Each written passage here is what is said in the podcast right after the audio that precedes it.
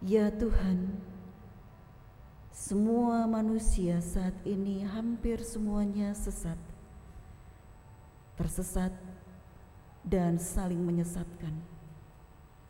Jikalau tanpa firman Tuhan, maka habislah kehidupan yang benar dan habislah semua kehidupan yang serba baik penuh kasih.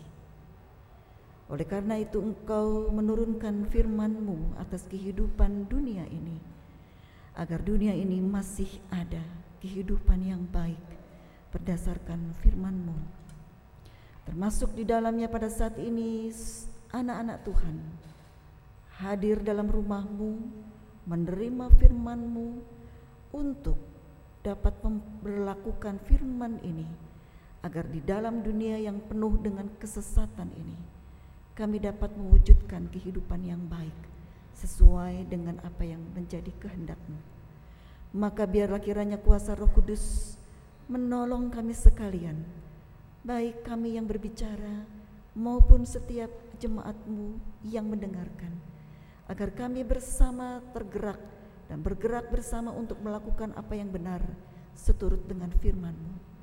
Berkatilah ya roh kudus firmanmu ini, maka firman ini tidak berlalu begitu saja, namun menjadi sesuatu yang menggerakkan kami semua atas kuasa Roh Kudus untuk melakukan kebenaran. Di dalam nama Tuhan kami Kristus dan kuasa Roh Kudus, kami serahkan firman-Mu ini. Amin. Saudara-saudara, mari kita membuka Pembacaan kita dari Alkitab pada saat ini melalui Kejadian 18 ayat 16 sampai 33.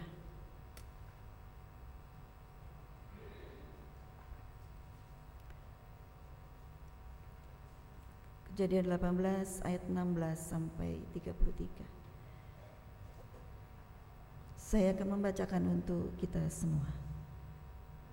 Doa syafaat Abraham untuk Sodom. Lalu berangkatlah orang-orang itu dari situ dan memandang ke arah Sodom. Dan Abraham berjalan bersama-sama dengan mereka untuk mengantarkan mereka. Berpikirlah Tuhan, apakah aku akan menyembunyikan kepada Abraham apa yang hendak kulakukan ini? Bukankah sesungguhnya Abraham akan menjadi bangsa yang besar serta berkuasa? Dan oleh dia segala bangsa di atas bumi akan mendapat berkat.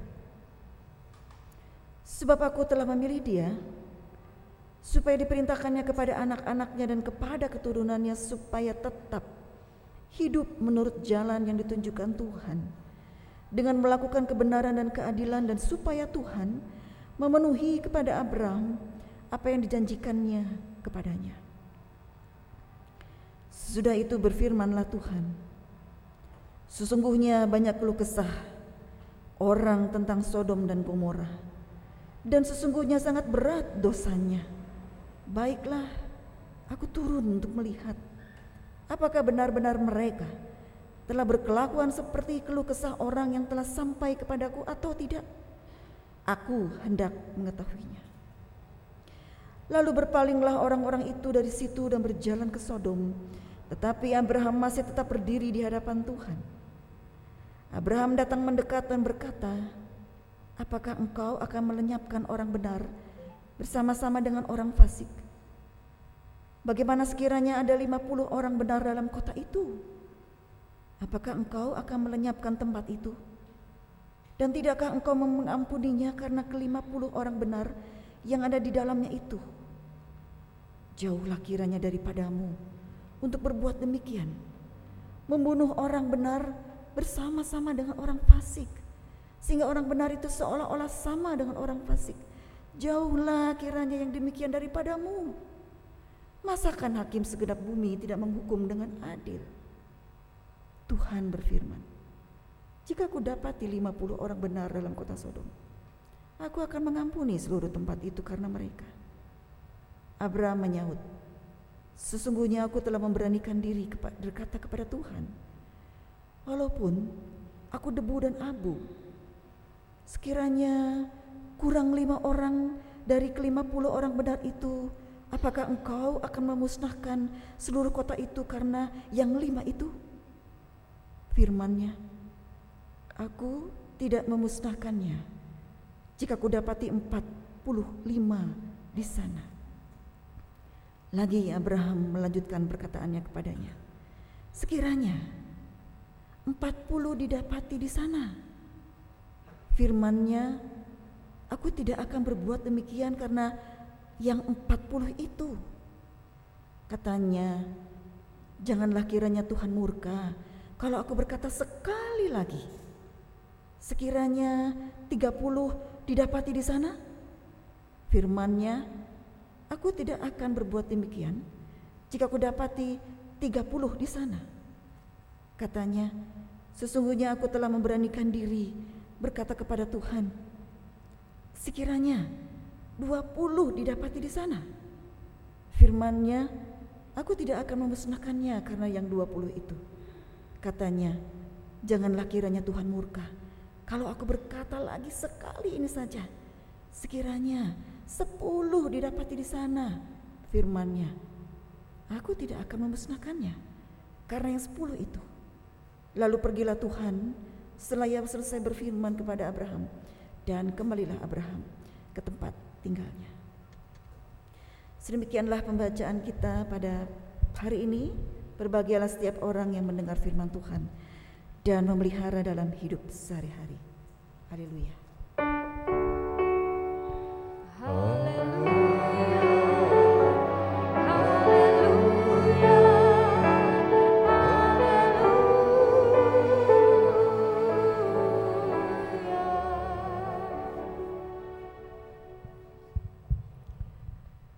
Salam sejahtera untuk Bapak Ibu Saudara sekalian. Sayang sekali karena Covid masih ada dan dari mimbar ini saya cukup terhalang dengan fiber ini meskipun bening tetapi uh, untuk menjaga segala sesuatunya ya mau tidak mau harus seperti ini.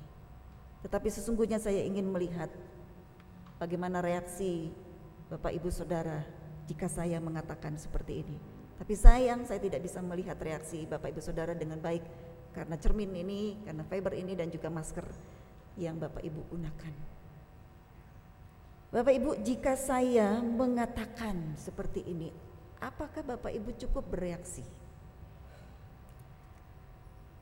Paus Paulus ke-6 pernah mengungkapkan jika engkau ingin kedamaian, upayakanlah keadilan.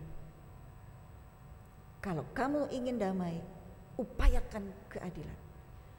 Saya ingin sebenarnya ingin lihat reaksi Bapak Ibu Saudara terhadap ungkapan atau ucapan yang disampaikan Paus Paulus ke-6 ini. Apakah yang menjadi reaksi Bapak Ibu Saudara? Setuju? Masih dingin-dingin saja dengan ungkapan ini masih belum ngeh apa yang harus dilakukan barangkali seperti itu. Bagaimana kalau saya mengatakan seperti ini bagaimana reaksi Bapak Ibu Saudara? Kemarin kita dengar peristiwa di televisi bagaimana seorang bocah 11 tahun di Tasikmalaya meninggal dunia. Kebetulan itu tempat di mana saya lahir dan juga Ibu Mimi berada. Saya anak sekolah minggunya Bu Mimi. Tapi saya nggak pernah rajin sekolah minggu katanya Bu Mimi. Bagaimana reaksi Bapak Ibu Saudara ketika kita tahu anak umur 11 tahun mengalami pembulian atau perundungan. Yang akhirnya dia meninggal dunia akibat apa? Bapak Ibu tahu? Mem disuruh oleh teman-temannya banyak sekali kalau tidak salah 11 orang teman-temannya menyuruh anak ini untuk memperkosa seekor kucing ya. Wah, ini saya tidak terlalu mendengar nih uh, apa respon Bapak Ibu Saudara ya karena terhalang kondisi ini. Kucing ya. Yang pada akhirnya si ibu korban ini mengatakan saya merasa menyesal karena anak saya banyak begitu ya. Ini daerah Singaparna Tasikmalaya, Kabupaten Tasikmalaya, bukan di kota. Tetapi kemudian anak ini dibawa ke rumah sakit umum kota Tasikmalaya dan meninggal setelah beberapa hari kalau tidak salah seminggu. Saya mengira dia terkena infeksi karena harus memperkosa gitu ya, di, harus memperkosa dilakukan disuruh oleh teman-temannya begitu ya. Ibu si korban merasa sangat pilu hatinya karena anaknya yang umur kurang lebih 10-11 tahun harus meninggal dunia di rumah sakit umum Tasikmalaya. Saya pikir karena infeksi, tetapi ternyata karena depre, depresi. Ya, luar biasa. Bahkan di Bekasi, kemarin hari Jumat saya melihat di televisi ada seorang anak yang dipasung oleh orang tua kandungnya, kurus badannya dan Pak Kak Seto datang ke Bekasi dan menolong anak ini dan mendapatkan uh, perlindungan dari KPAI. Bagaimana reaksi Bapak Ibu Saudara dengan peristiwa yang terjadi di sekitar kita? Masih santai saja? Masih dianggap dingin-dingin saja kondisi seperti ini? Karena tidak ada kaitannya dengan saya. Tidak ada pedulinya dengan saya. Anak-anak saya baik. Keluarga saya oke-oke saja. Itu di luar sana. Bagaimana kalau saya, mudah-mudahan saudara-saudara cukup bereaksi untuk peduli dengan kondisi ini. Saya hanya ingin kita peduli dengan kondisi ini. Kebetulan tanggal tanggal 23 Juli hari apa Bapak Ibu? Hari Anak Nasional. Saya mengira bahwa kita tidak saja peduli kepada sang korban, tetapi bagaimana saat ini kita peduli kepada perlindungan anak-anak secara utuh agar mereka tidak melakukan perilaku-perilaku yang menyalahi peraturan sehingga membuat bullying, perundungan dan mengakibatkan korban anak semakin berlebihan. Bahkan menurut teks berita karena anak-anak di bawah umur biasanya tidak mendapatkan uh, jerat hukum, tapi sepertinya sekarang sudah tidak lagi seperti itu diupayakan oleh hukum agar anak-anak yang usianya belum cukup ini tetap dikenakan hukum. Masihkah kita santai saja melihat kondisi ini? Ya. Apakah orang Kristen masih cukup bisa mengatakan oh itu jauh? Tidak ada kok kondisi seperti itu. Begitu ya. Enggak enggak cukup enggak cukup uh, respon lah kita dengan kondisi itu. Oke, bagaimana kalau saya mengatakan seperti ini, Bapak Ibu Saudara? Kamus Besar Bahasa Indonesia menjelaskan kata-kata adil. Seperti tadi Paus Paulus mengatakan, kalau engkau mau kedamaian, lakukanlah dan upayakanlah keadilan. Apa itu adil? Adil artinya sama berat, tidak berat sebelah, tidak memihak, berpihak kepada yang benar, berpegang pada kebenaran, tidak sewenang-wenang. Itu adil. Berpihak pada yang benar, berpihak pada yang uh, apa namanya yang tidak semenang-menang begitu ya. Tidak berat sebelah tidak memihak kepada siapa pun tetapi lebih memihak kepada yang benar. Masalahnya saudara-saudara.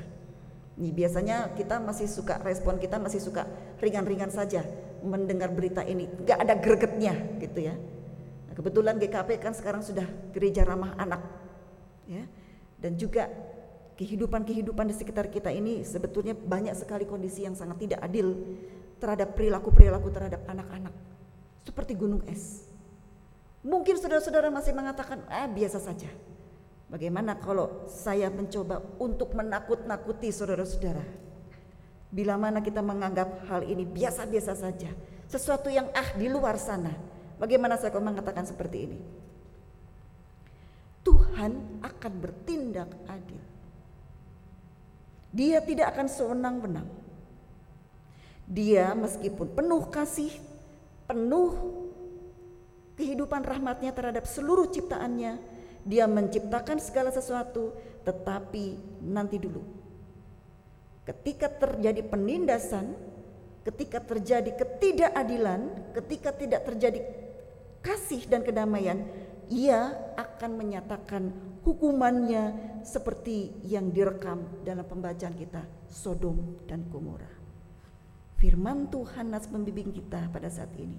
Allah akan mengadili baik orang benar maupun tidak adil, segala hal, segala pekerjaan yang bersifat tidak adil akan diadili sesuai waktunya. Nah, biasanya ini sebetulnya kalimat firman Tuhan yang Bukan hanya menakut-nakuti Bapak Saudara. Ini merupakan sikap tegas Tuhan. Bahwa sesungguhnya kondisi ini harus lebih cermat untuk diperhatikan oleh gereja. Gereja apa pun. Nah, oleh karena itu bagaimana reaksi Bapak Ibu Saudara? Masih menganggap ini sesuatu yang rata-rata air saja, dingin-dingin saja? Tapi bagaimana kalau firman Tuhan mengatakan nanti dulu semua yang bersifat tidak adil akan ada waktunya di mana Allah akan menyatakan hukumannya seperti halnya yang sudah dilakukan Tuhan terhadap Sodom dan Gomora.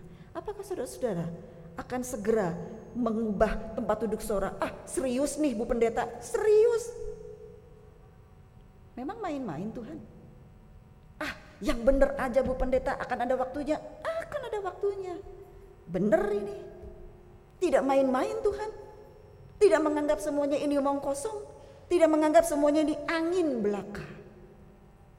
Biasanya Bapak Saudara, ya, di iman kepercayaan lain Bapak Saudara. Kalau sudah ditakut-takutin seperti ini tentang keadilan dan surga ada neraka, biasanya orang buru-buru berubah, buru-buru bertobat begitu ya. Karena dalam kehidupan keimanan kita, sering kali kita hanya mengatakan Tuhan itu penuh kasih, Tuhan itu penyayang, Dia tidak akan menghukum dan sebagainya. Nanti dulu, bagaimana dengan kitab kejadian yang kita baca pada hari ini? Rekaman tentang Sodom dan Gomora terpampang jelas yang kita baca pada saat ini benar-benar serius tindakan Tuhan. Dia tidak ingin main-main dengan kondisi ketidakadilan ini. Saudara-saudara yang terkasih, rekaman Alkitab tentang Sodom dan Gomora kita temui pada pasal 18 sampai 19. Dalam kejadian pasal yang kita baca pada saat ini 18 merekam bagaimana sebenarnya Tuhan pada waktu itu sebenarnya sebelum bercakap-cakap dengan Abraham Pembacaan kita diawali sebenarnya Tuhan sedang bercakap-cakap dengan malaikatnya. Sebentar, saya pengen ngobrol sama kalian semua ya dalam bahasa sehari-hari seperti itu. Coba kita lihat. Menurutmu Abraham ini kan akan menjadi bapak segala bangsa. Kebetulan Abraham ini dengan keluarganya sudah tinggal di Sodom dan Gomora bersama dengan Lot keponakannya. Tujuanku kata Tuhan, Abraham ini akan menjadi bapak segala bangsa. Tetapi repot sekali nih Kehidupan Sodom dan Gomora betapa luar biasa kekejaman yang terjadi di dalamnya. Saya akan menghanguskan kata Tuhan. Aku akan menghanguskan Sodom dan Gomora. Tapi bagaimana? Menurutmu bagaimana? Ya. Kitab Kejadian lebih kepada sering kali menggambarkan Tuhan menunjukkan percakapannya rapat dewan dengan malaikatnya, katakanlah seperti itu. Menurut malaikat-malaikat bagaimana? Aku merencanakan Abraham menjadi bapak segala bangsa. Otomatis harus ada banyak bangsa dong. Tapi bagaimana dengan bangsa yang seperti ini? Bangsa yang kacau balau. Bagaimana Abraham bisa menjadi bapak segala bangsa? Banyak sekali keluh kesah yang aku dapati, yang aku dengarkan. Ayo mari kita turun, kita cek di lapangan, kata Tuhan seperti itu ya. Dalam ayat yang keberapa kita lihat, aku akan turun. Mari kita cek ke lapangan. Apakah aku akan menghukum bangsa ini, Sodom dan Gomora ini? Karena sudah terlalu keji kejahatan yang dilakukan oleh Sodom dan Gomora. Tapi Abraham belum tahu kondisi ini. Bagaimana kalau Abraham tahu bahwa aku akan menghanguskan kota ini, aku akan menghanguskan bangsa ini, dia pasti akan kecewa. Dia pasti tidak akan menerima label sebagai bapak segala bangsa. Tuhan bercakap-cakap kondisi ini. Satu sisi Tuhan melihat bagaimana ketidakadilan menjadi sesuatu yang sangat booming yang luar biasa yang merusak mata Tuhan, yang mengganggu mata Tuhan, yang merusak telinga Tuhan, yang mengganggu Tuhan, yang harapan Tuhan di mana Sodom dan Gomora adalah menjadi bangsa yang baik, bangsa yang benar, bangsa yang berkeadilan, yang tidak melakukan perundungan, yang tidak melakukan percabulan, yang tidak melakukan berbagai seks bebas, bahkan melakukan berbagai kejahatan-kejahatan moral yang luar biasa Bapak Saudara. Bagaimana kalau Bapak Ibu mendengarkan kondisi ini, reaksi Bapak Ibu Saudara? Masih tidak serius Tuhan? Ah, Tuhan main-main. Saking tidak dianggap seperti itu saudara-saudara. Tuhan pada akhirnya menyampaikan kondisi ini kepada Abraham. Dia ingin mengetahui bagaimana reaksi Abraham pada waktu itu. Dia ingin mendengar bagaimana reaksi Abraham ketika dia berkehendak untuk menyingkirkan dan menghanguskan Sodom dan Gomora karena setelah terlalu bertubi-tubi kehidupan yang tidak adil kondisinya saudara-saudara. Kata dalam ayat yang pertama Tuhan mengatakan, ayo berpikir. Tuhan tidak sebenarnya sedang tidak mau merencanakan kondisi ini Bapak Saudara. Tuhan masih menimbang-nimbang. Kalau aku menghanguskan kota ini, apa reaksinya? Kalau aku tidak menghanguskan kota ini, bagaimana yang akan ditimbulkan? Ya, seperti peristiwa penembakan Joshua ya. Pada akhirnya Kapolri menonaktifkan siapa? Sambo. Ya. Kadang-kadang sebagai seorang pemimpin kita sering kali mendapatkan sesuatu yang membingungkan kondisi. Masa sih Tuhan bingung? Ya jelas bingung. Satu sisi dia benar-benar mengasihi, namun satu sisi dia melihat kondisi yang sangat rusak terhadap Sodom dan Gomora.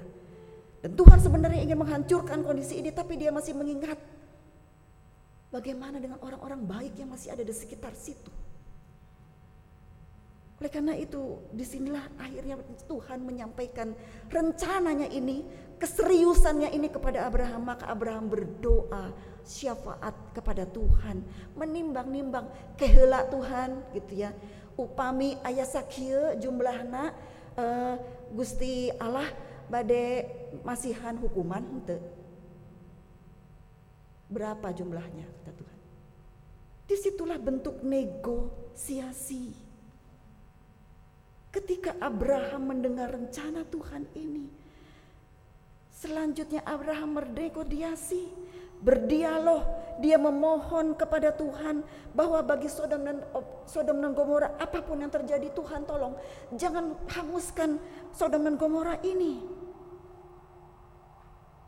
Tindakan yang akan Tuhan lakukan untuk dan Gomora bukan tanpa alasan Bapak Saudara. Ini benar-benar serius. Bukan tanpa alasan. Dia merancangkan kondisi ini karena dia mendengar keluh kesah yang sangat berat sekali. Berat, sungguh amat berat. Bahkan DPR sudah mensahkan undang-undang kekerasan seksual. Pendeta Ira di Durbang berjuang untuk kondisi ini. Karena itulah saudara-saudara.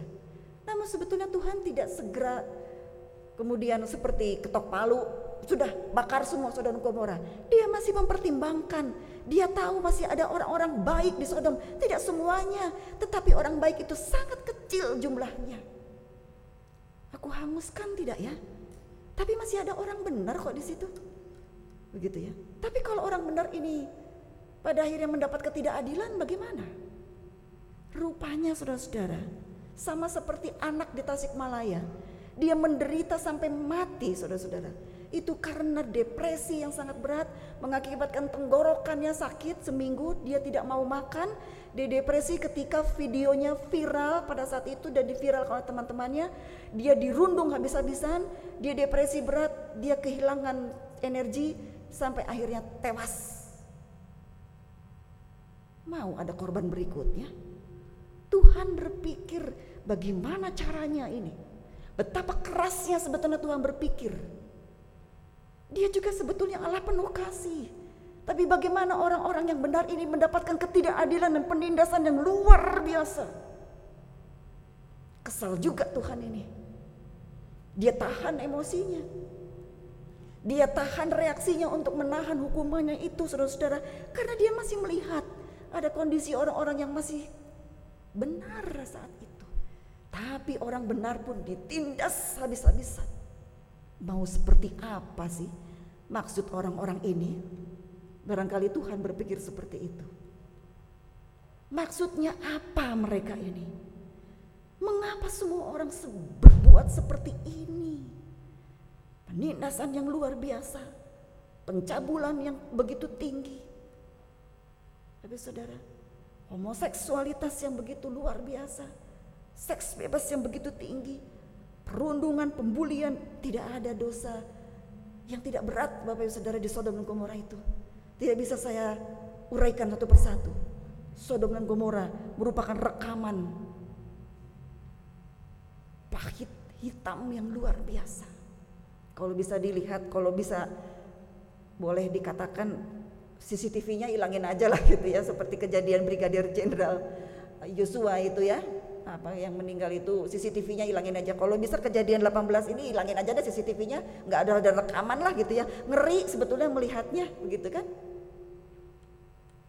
Tapi tidak, Tuhan mau menunjukkan bahwa inilah tindakannya.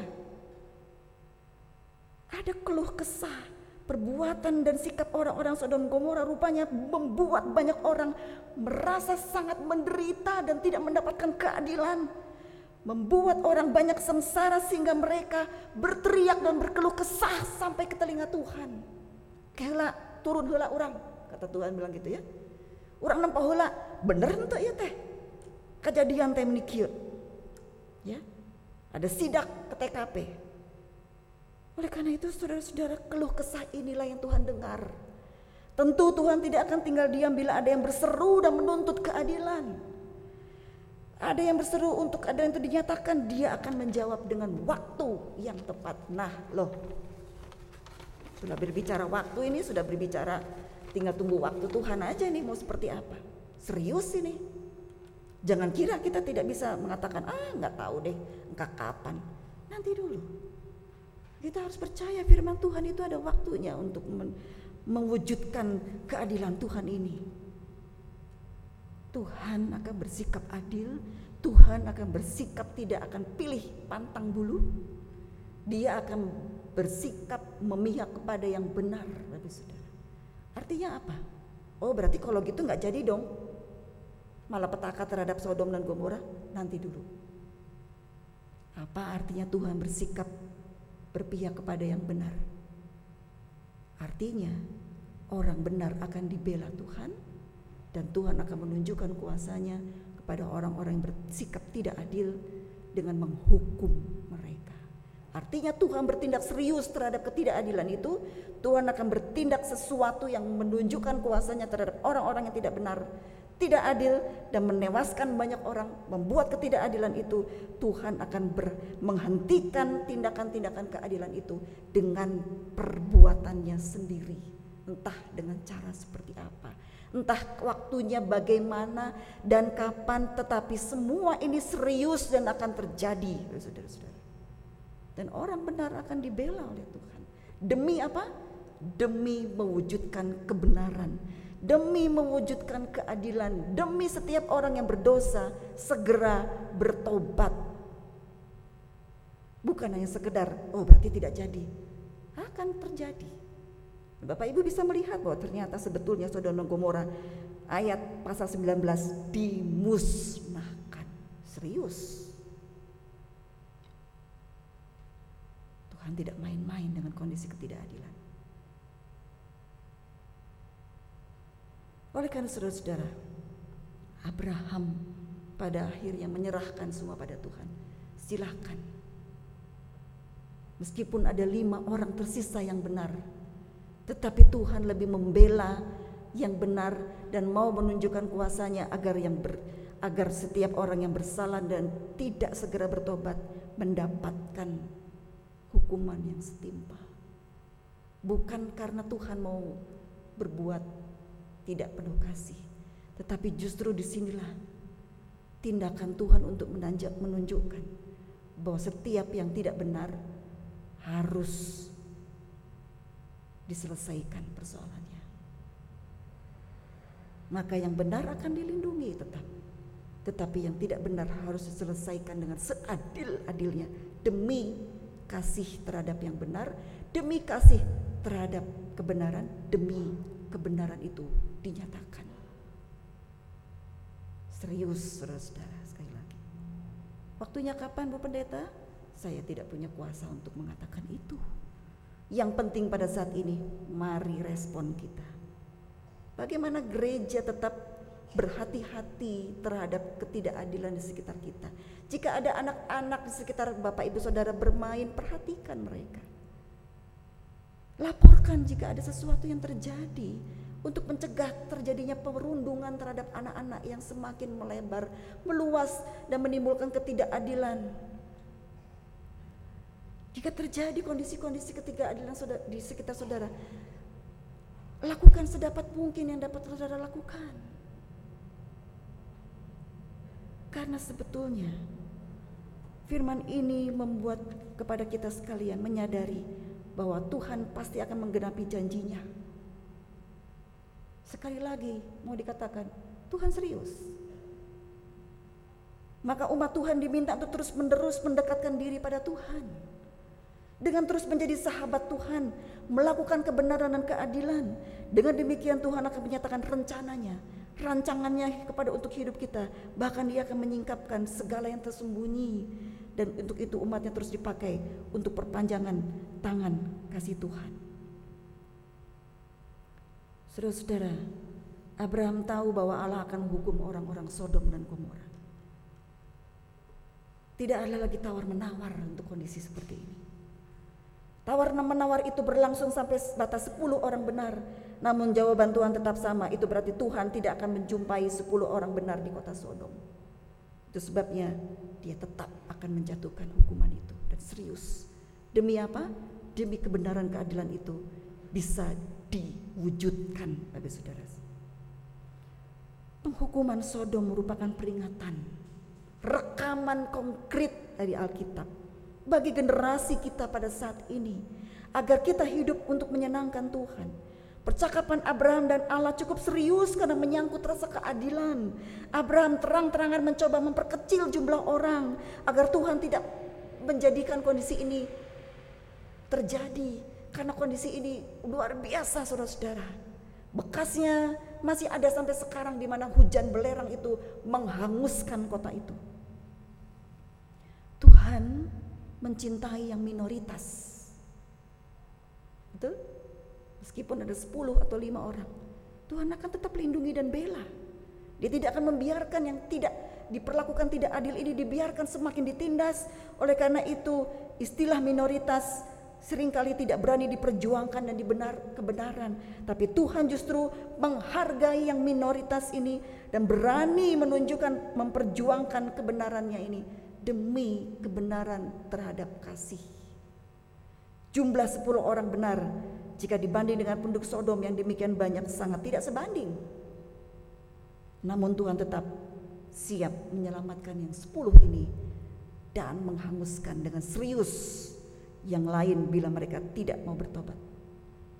Karena itu mari kita menjadi sarana kesaksiannya dalam memperjuangkan kebenaran keadilan. Jangan merasa minder karena minoritas. Berkeluh kesahlah kepada Tuhan. Untuk itu doa syafaat saudara-saudara. Doa syafaat itu doa yang mengantar perantara.